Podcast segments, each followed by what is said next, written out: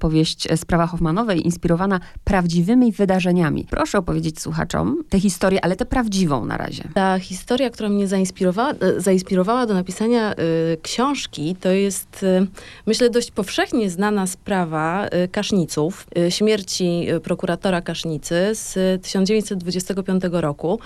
Ona była o tyle rzeczywiście taka bardzo medialna, bo zginęła osoba publiczna prokurator Sądu Najwyższego. No plus ta cała aura tajemniczości, która tej, tej sprawie y, towarzyszyła, to też wpłynęło na to, że, że media się tym zainteresowały, a potem cała opinia publiczna dwudziestolecia międzywojennego. Ja myślę, że w ogóle były takie dwie sprawy. Właśnie sprawa Gorgonowej i sprawa Kaszniców. Ten wypadek polegał na tym, rodzina Kasznicy, prokuratora Kasznicy, wyruszyła w góry w Tatry y, po tej czechosłowackiej wówczas stronie y, i planowała przejść przez taką najwyższą w Tatrach możliwą dla turysty do przejścia przełęcz. To jest przełęcz lodowa. I tego dnia, kiedy, kiedy rodzina wymyśliła sobie tę wycieczkę, doszło do załamania pogody.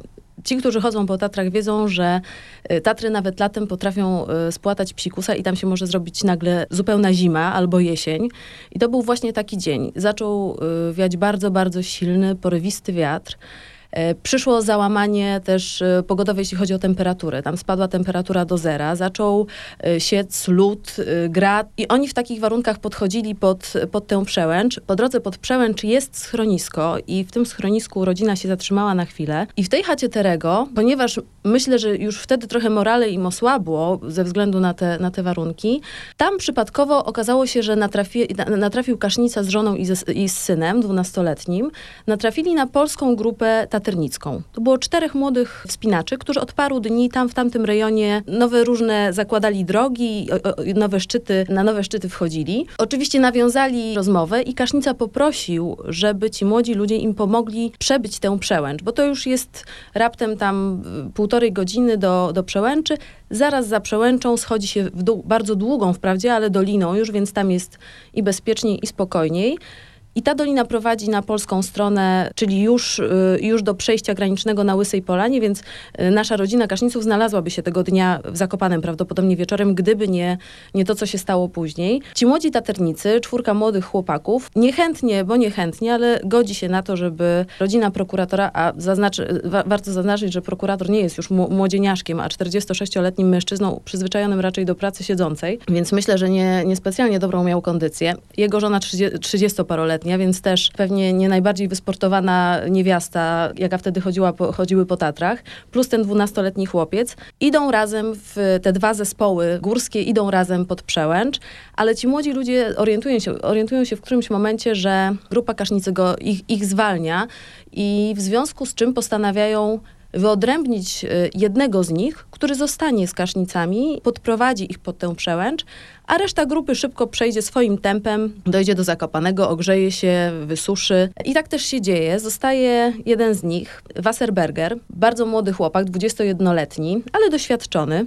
Tam podobno też była taka sytuacja, że oni planowali ciągnąć zapałki, ale Wasserberger podobno poczuł się w obowiązku, że, że on po prostu zostanie z nimi i to on y, pomoże w tej przeprawie. No i tak się dzieje. Po, podchodzą pod tę przełęcz już wtedy tylko troje kaszniców i Wasserberger. Pogoda psuje się jeszcze bardziej. To jest dość specyficzne miejsce w Tatrach, ponieważ od północy nie ma na tyle wysokiej grani, na tyle wysokich szczytów, które by hamowały napływający z północy wiatr. W związku z czym ten wiatr z pełnym impetem uderza w tę szczelinę, w tę lodową przełęcz. Były takie głosy po, już po wypadku, że to doprowadziło, ponieważ ta przełęcz to jest taki cienki przesmyk, że być może ten silny wiatr uderzając w przełęcz wysysał jakby powietrze z tej południowej strony, czyli tam, gdzie wspinali się Kasznicowie i Wasserberger, przez co ci wspinacze po tej, po tej stronie czechosłowackiej wchodzili w warunkach próżni, nie było tlenu. Kiedy przeszli przez tę przełęcz, praktycznie wszyscy zaczęli się kiepsko czuć. Tracić orientację, gorzej oddychać. Wasserberger, który najbardziej doświadczony, zarządził, żeby natychmiast jak najszybciej schodzić na dół, w dolinę, że tam wszyscy poczują się lepiej. Poza tym ten wiatr trochę ucichnie, a to był wiatr, który ich po prostu przygniatał do ziemi, przewracał. I tak się dzieje, schodzą niżej, no ale w tym momencie prokurator Kasznica mówi, że on już praktycznie nie jest w stanie iść dalej, że on musi tutaj zostać. Nie bardzo orientuje się, co się dzieje, brakuje mu tchu. Na podobne objawy uskarża zdarza się również jego syn, dwunastoletni, więc matka, pani Kasznicowa, bierze plecak dziecka, Wasserberger bierze plecak Kasznicy i schodzą ciągle na dół. Schodzą, schodzą jeszcze kilkaset metrów, udaje im się zejść i tam przy takim niewielkim stawiku, żabim stawie dochodzi do tragedii, bo umierają wszyscy po kolei. Umiera Kasznica, umiera syn i umiera młody taternik Wasserberger. Przy życiu zostaje tylko kobieta. I tu tak naprawdę zaczyna się ta historia, która tak bardzo poruszyła opinię publiczną, sprawiła, że tajemnica wokół tej historii narastała w ogóle, taka atmosfera tajemnicy wokół tej historii, ponieważ pani Kasznicowa siedzi przy tych zwłokach dwie noce. Do wypadku dochodzi koło godziny 16-17 w poniedziałek. Ona siedzi do zmierzchu, tam cały czas są bardzo złe warunki pogodowe. Ciągle jest ten okropny wiatr, ciągle jest bardzo zimno, jest deszcz, ona jest cała przemoczona. Trzy trupy leżące obok niej, ona zostaje. Czeka całą noc, podobno ogrzewa się maszynką spirytusową Wasserbergera, co też jest dziwne, bo kobiety zazwyczaj w tamtych czasach nie miały takich umiejętności jak rozpalanie tego typu urządzeń. Dobywa z plecaka Wasserbergera jego y, koc, okrywa się tym kocem i zostaje tam na kolejny dzień. W normalnych warunkach wydaje się, że powinna czym prędzej schodzić na dół, tym bardziej, że tam dosłownie dwie, dwie i pół godziny drogi z miejsca, gdzie, gdzie dochodzi do tragedii, są już koliby pasterskie, a w związku z tym można by liczyć na, na pomoc. Ona tego nie robi. Ona siedzi kolejny dzień wysoko w górach, nadchodzi kolejna noc, ona zostaje na kolejną noc w górach i dopiero po tych dwóch nocach następnego ranka rusza na dół i gdzieś około godziny 12 dociera na most graniczny między Polską a Czechosłowacją, nikogo nie zaczepiając po drodze. A mówię, a tam po drodze na pewno miała styczność właśnie z, z pasterzami, którzy tam wypasają owce, ale ona nikomu nie mówi o tej tragedii. Dociera do granicy i tam spotyka generała Zaruskiego i jemu mówi dopiero o tym, co się stało na górze i rusza dopiero w tym momencie akcja poszukiwawcza, która niestety znajduje na górze zwłoki trzech osób. Tak wyglądała ta historia. Niesamowita, z zapartym tchem jej słucham. I o ile sprawa Gorgonowej rzeczywiście jest powszechna, to ja nie sądzę, że ta jest taka powszechna, bo naprawdę mm, nawet jak rozmawiałam ze znajomymi, to prawie nikt nie pamiętał tego. A proszę powiedzieć, jak pani na nią trafiła i na czym pani się opierała? Y, w, w oparciu właśnie o wycinki z gazet? Ja dlatego powiedziałam, że ona jest taka znana, ponieważ ona jest być może znana mnie i osobom, które chodzą po górach, bo praktycznie chyba każdego e, w Polsce, kto chodzi po górach, gdyby zapytać o tę sprawę, to pewnie by wiedział o co chodzi, bo to jest taka chyba najbardziej znana historia e, tatrzańska. Mówię, ona do dzisiaj nie jest do końca wyjaśniona i to też pewnie ma wpływ na to, że ona została w takiej wyobraźni naszej i ciągle gdzieś tam ta legenda krąży. A skąd czerpałam materiały? No oczywiście jako osoba chodząca po górach czytuję literaturę górską, pewnie jak każdy tatromaniak. Jak schodzę na dół, to czytam o górach. W związku związku z tym ja nawet nie pamiętam, kiedy trafiłam na tę historię. Jest ona na przykład bardzo, bardzo dobrze opisana w Wołaniu w Górach Michała Jagiełły, ale w ogóle w wielu, w wielu miejscach, w wielu pozycjach literatury górskiej można się na tę sprawę natknąć, ale rzeczywiście, kiedy już przyszło mi do głowy, że to jest bardzo ciekawy temat na to, żeby obudować to pewną historią i stworzyć z tego beletrystyczną powieść, to zaczęłam trochę głębiej szukać informacji na temat tej sprawy.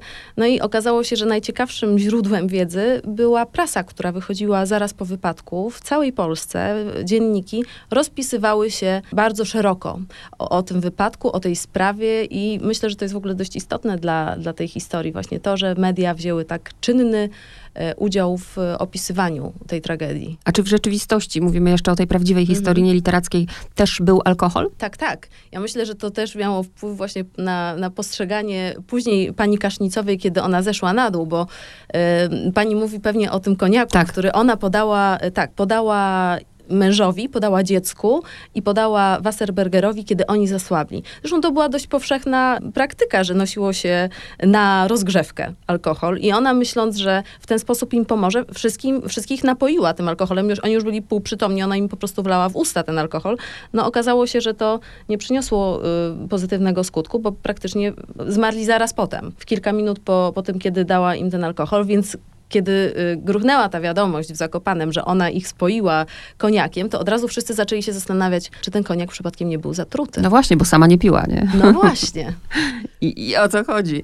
Powiem pani tak, ale to, jest, to będzie komplement, ponieważ autor, który wywołuje emocje, dla mnie zawsze mm, to jest komplement. Jak, jak skończyłam czytać książkę, to byłam na panią wściekła. Przepraszam. tak, a później mm, dopiero po paru dniach zrozumiałam, że, mm, że to jest dobrze. Też się zastanawiam, jak o tym mówić, żeby no, nie zepsuć tej zabawy słuchaczowi, ale z drugiej strony też muszę zadać to pytanie, bo opowiedziała pani prawdziwą historię i właściwie poza, akurat w tej konkretnej historii, poza zmianą nazwisk, mamy to samo, więc co jakby dodała pani od siebie? Tak, to jest prawda, że ten szkielet tej historii, y, ten wypadek, ja opisuję dość dokładnie, bo ja myślę też, że czytelnicy, którzy sięgną po, po tę książkę, szukają tej historii i jeśli za, za daleko bym odeszła od pierwowzoru, to też właśnie byliby na mnie trochę tak, źli. to prawda. W związku z czym tutaj starałam się zachować y, jak najbliżej faktów, chociaż pani już czytała, więc wie, że, że ja tam dodałam jeszcze jedną tajemniczą tak. postać w tych górach. Ona była bardzo mi potrzebna dla, dla całej fabuły.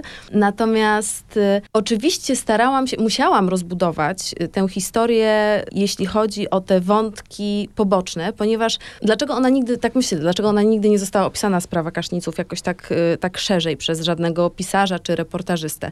Bo tego materiału jest trochę za mało. To nie jest tak jak ze sprawą Gorgonowej, że była potem y, sprawa w sądzie, jest dokumentacja, prokura y, prokurator w to wchodzi, więc sprawa Gorgonowej jest opisana bardzo dokładnie. Mamy świetną książkę Cezarego Łazarewicza. Natomiast ja musiałam jednak, żeby tę beletrystyczną stronę zbudować, musiałam dodać kilka wątków y, pobocznych, tak też urodziła się w mojej głowie ta Hoffmanowa, ponieważ wydawało mi się, że ta Waleria Kasznicowa, czyli pierwowzór mojej bohaterki, żona przy mężu, żona prokuratora, nie jest na tyle barwną i ciekawą postacią, która zainteresuje czytelników. Więc, a poza tym chciałam pokazać jeszcze coś więcej w tej książce. Chciałam pokazać trochę tej Warszawy przedwojennej tak. i Zakopanego przedwojennego, więc potrzebowałam kogoś bardziej barwnego, i stąd y, pojawia się bohaterka, która jest byłą gwiazdą kabaretów, teraz już przy mężu żoną, która próbuje się ustatkować przy tym mężu prokuratorze, ale mówię, ta, ta, jakby ta część górska jest zachowana, myślę, dość wiernie, natomiast pofolgowałam fantazję, jeśli chodzi właśnie o,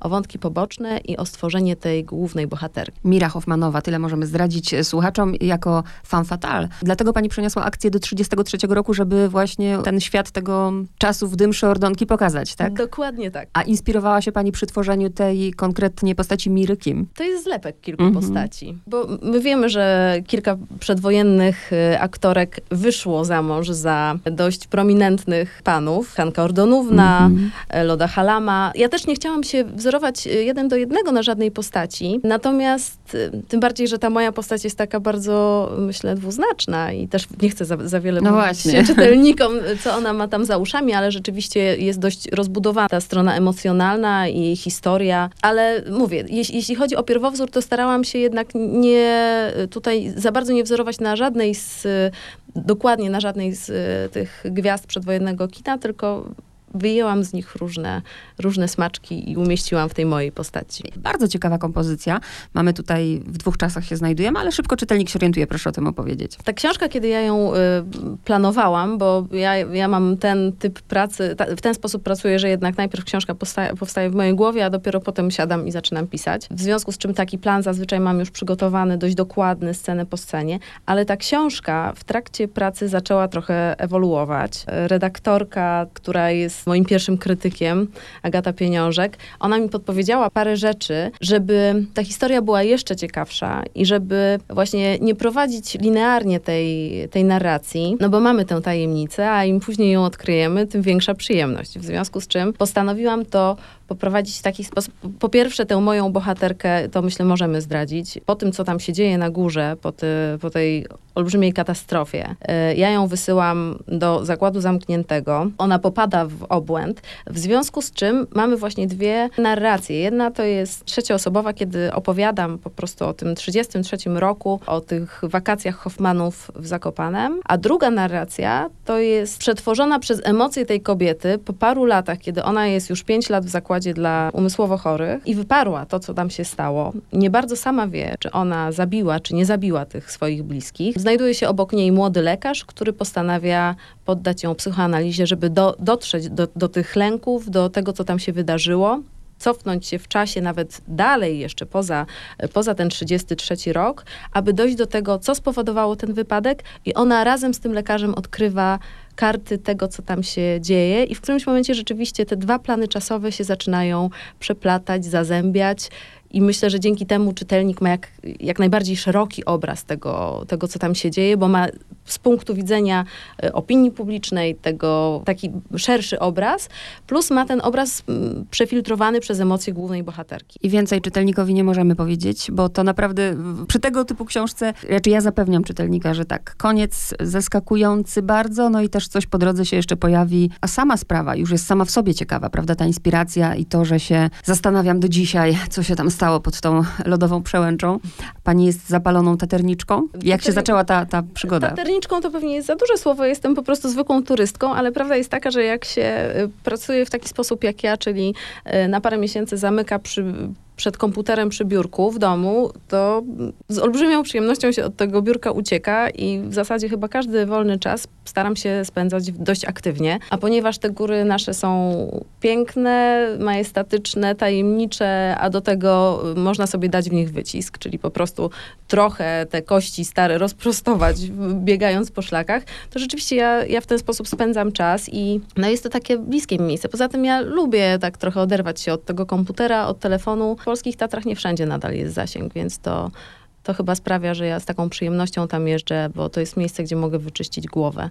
Czyli domyślam się, że miejsca, o których pani pisze, była pani osobiście. Tak. Jakie wrażenia? Jak się tam jest w tym miejscu i wie się, że tam się to wydarzyło?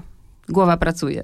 Nie, oczywiście, to, to prawda. Ja, to w ogóle był bardzo ciekawy dzień, kiedy, kiedy my tam ze znajomymi, z moim mężem przechodziliśmy tę lodową przełęcz, bo była też okropna pogoda.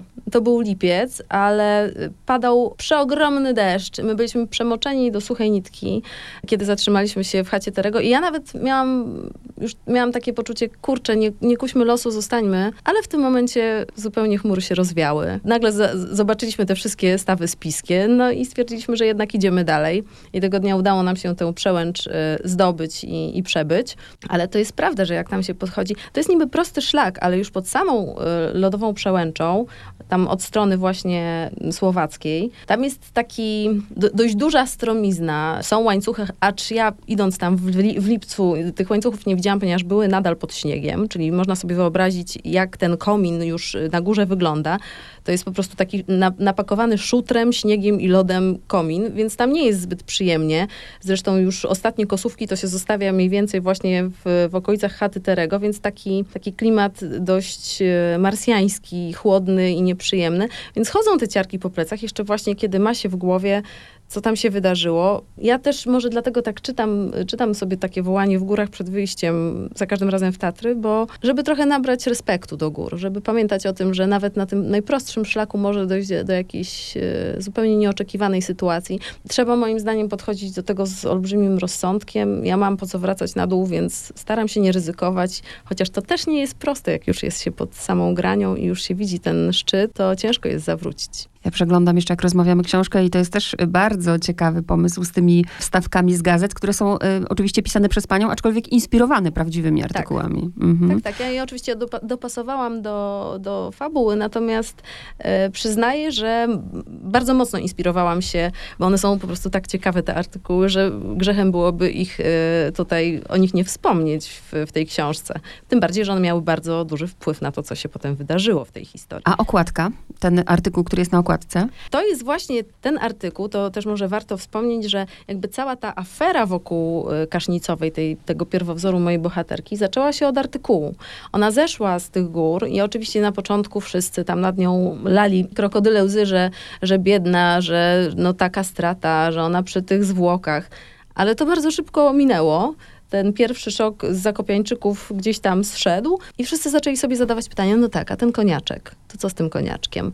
A potem właśnie, a dlaczego ona tyle czasu tam siedziała? A może chciała zatrzeć ślady? A może ona czekała, aż oni po prostu poumierają? Może mm -hmm. oni, dałoby się ich uratować, gdyby ona wcześniej ruszyła po pomoc? Kilka dni, to chyba ze trzy czy cztery dni po tym, jak Kasznicowa zeszła z gór, ukazał się w IKAS-u, czyli tam w ilustrowanym kurierze e, codziennym, czyli krakowskim, e, krakowskiej gazecie codziennej, ukazał się bardzo bardzo obszerny artykuł, który opisywał z niezwykłymi szczegółami tę historię. Naprawdę, tak jakby ten, ten dziennikarz był z Kasznicową w górach. I to oczywiście było dosyć zastanawiające, skąd aż takie szczegóły, takie, takie niuanse się znalazły w tym artykule. Pół Polski przeczytało ten tekst, a ten tekst jednoznacznie praktycznie przerzucał winę śmierci tych, tych trzech osób na Kasznicową. To nie było napisane wprost, ale tam są zdania w stylu, że niespodziewana śmierć, nigdy nie widziana, aby trzy osoby naraz w Tatrach, nie, nie widziały tego ani Alpy, ani Tatry.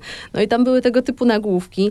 Tajemnicza śmierć trojga osób, półtora dnia i dwie noce przy zwłokach. No po prostu te nagłówki, e, headliny tam krzyczały tego typu e, tekstami, w związku z czym po tym, jak się ten artykuł ukazał, no to już opinia publiczna wydała wyrok. Kasznicowa musiała zamordować. To pani śledztwo literackie jest bardzo ciekawe, ale tak odchodząc od książki, to też, że najbliżej tej prawdziwej historii, to wydaje mi się, jak nie wiem, kojarzę piknik pod wiszącą skałą rewelacyjny, to myślę, że góry coś takiego dziwnego z nią zrobiły. Tak ja sobie to tłumaczę, nie? No bo, no bo jak sobie to wytłumaczyć? Ja nie będę ukrywała, że to jest, y, ja uwielbiam piknik pod wiszącą skałą Ja i na pewno, na pewno gdzieś to echo tej mojej miłości do tej książki i do filmu również, e, gdzieś w tej Jest. mojej książce Jest, jest. Mam, tak. mam nadzieję, nie będę się tego wypierała, ponieważ ta, no góry mają w sobie jakąś Jest, jest magię. właśnie. Też no mówię, nie mogę za dużo mówić, żeby nie zabierać tej przyjemności. A proszę jeszcze powiedzieć, ile trwała praca nad tą książką? Razem ze zbieraniem materiałów, z takim głaskaniem tego tekstu, to ponad rok. Dość długo. Ja wiem, że dzisiaj y, są inne standardy. Nie, nie, to nie pisze. jest. Nie, nie jest. ale- Przeważnie tak średnia rok, dwa lata ludzie pracują nad książką, czyli nie jest, nie jest to, y, że tak powiem, krótko, jest to normalnie. Także no, myślę, że wszystko, co mogłam znaleźć, znalazłam na temat tej historii, tak żeby, mówię, żeby jak najpełniej ją pokazać i żeby czytelnik, y, który za to, za to weźmie, żeby no właśnie ja nie mogę powiedzieć, jak to się skończy, No ale tak, ale żeby, żeby nie wyszedł z pustymi rękoma. po- Nie wyjdzie, wyjdzie z emocjami, to zapewniam. A na koniec ostatnie pytanie, bo to, to też jest ciekawe. Pani jest, jeśli chodzi jako pisarka, bardzo różnorodna, bo tutaj mamy biograficzną rzecz o Barbarze i Krzysztofie Baczyńskich. Później e, książka Nie lubię kotów. I teraz to idzie w taką stronę, znaczy nie chcę tego nazwać kryminału tak, tak prosto, ale w której, w której pani się czuje jakby tym gatunku najlepiej? To jest tak, że oczywiście ja myślę, że ta, ta moja, e, te moje książki i moja ścieżka ewoluuje. I to dobrze, bo ja też zaczęłam pisać, jak miałam 30 lat, dzisiaj mam 40, więc jestem pewnie inną osobą, co innego mnie interesuje. Mnie zawsze interesowały książki i historie takie trochę podszyte mrokiem, typu Twin Peaks i właśnie Mhm. jakieś wiszące skały. To, to zawsze było gdzieś w mojej głowie i takie historie mnie osobiście podobały się najbardziej.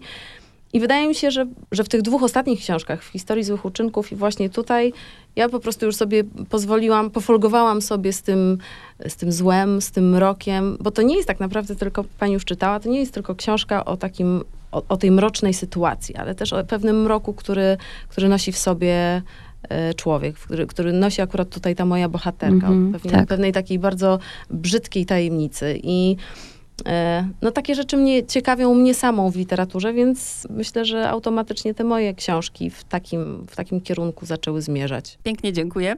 Bardzo również. fajnie mi się z panią rozmawiało. Mnie również. Też ja w ogóle nie miałam wrażenia, jakbyśmy tutaj nagrywały w radio, tylko tak przy kawie.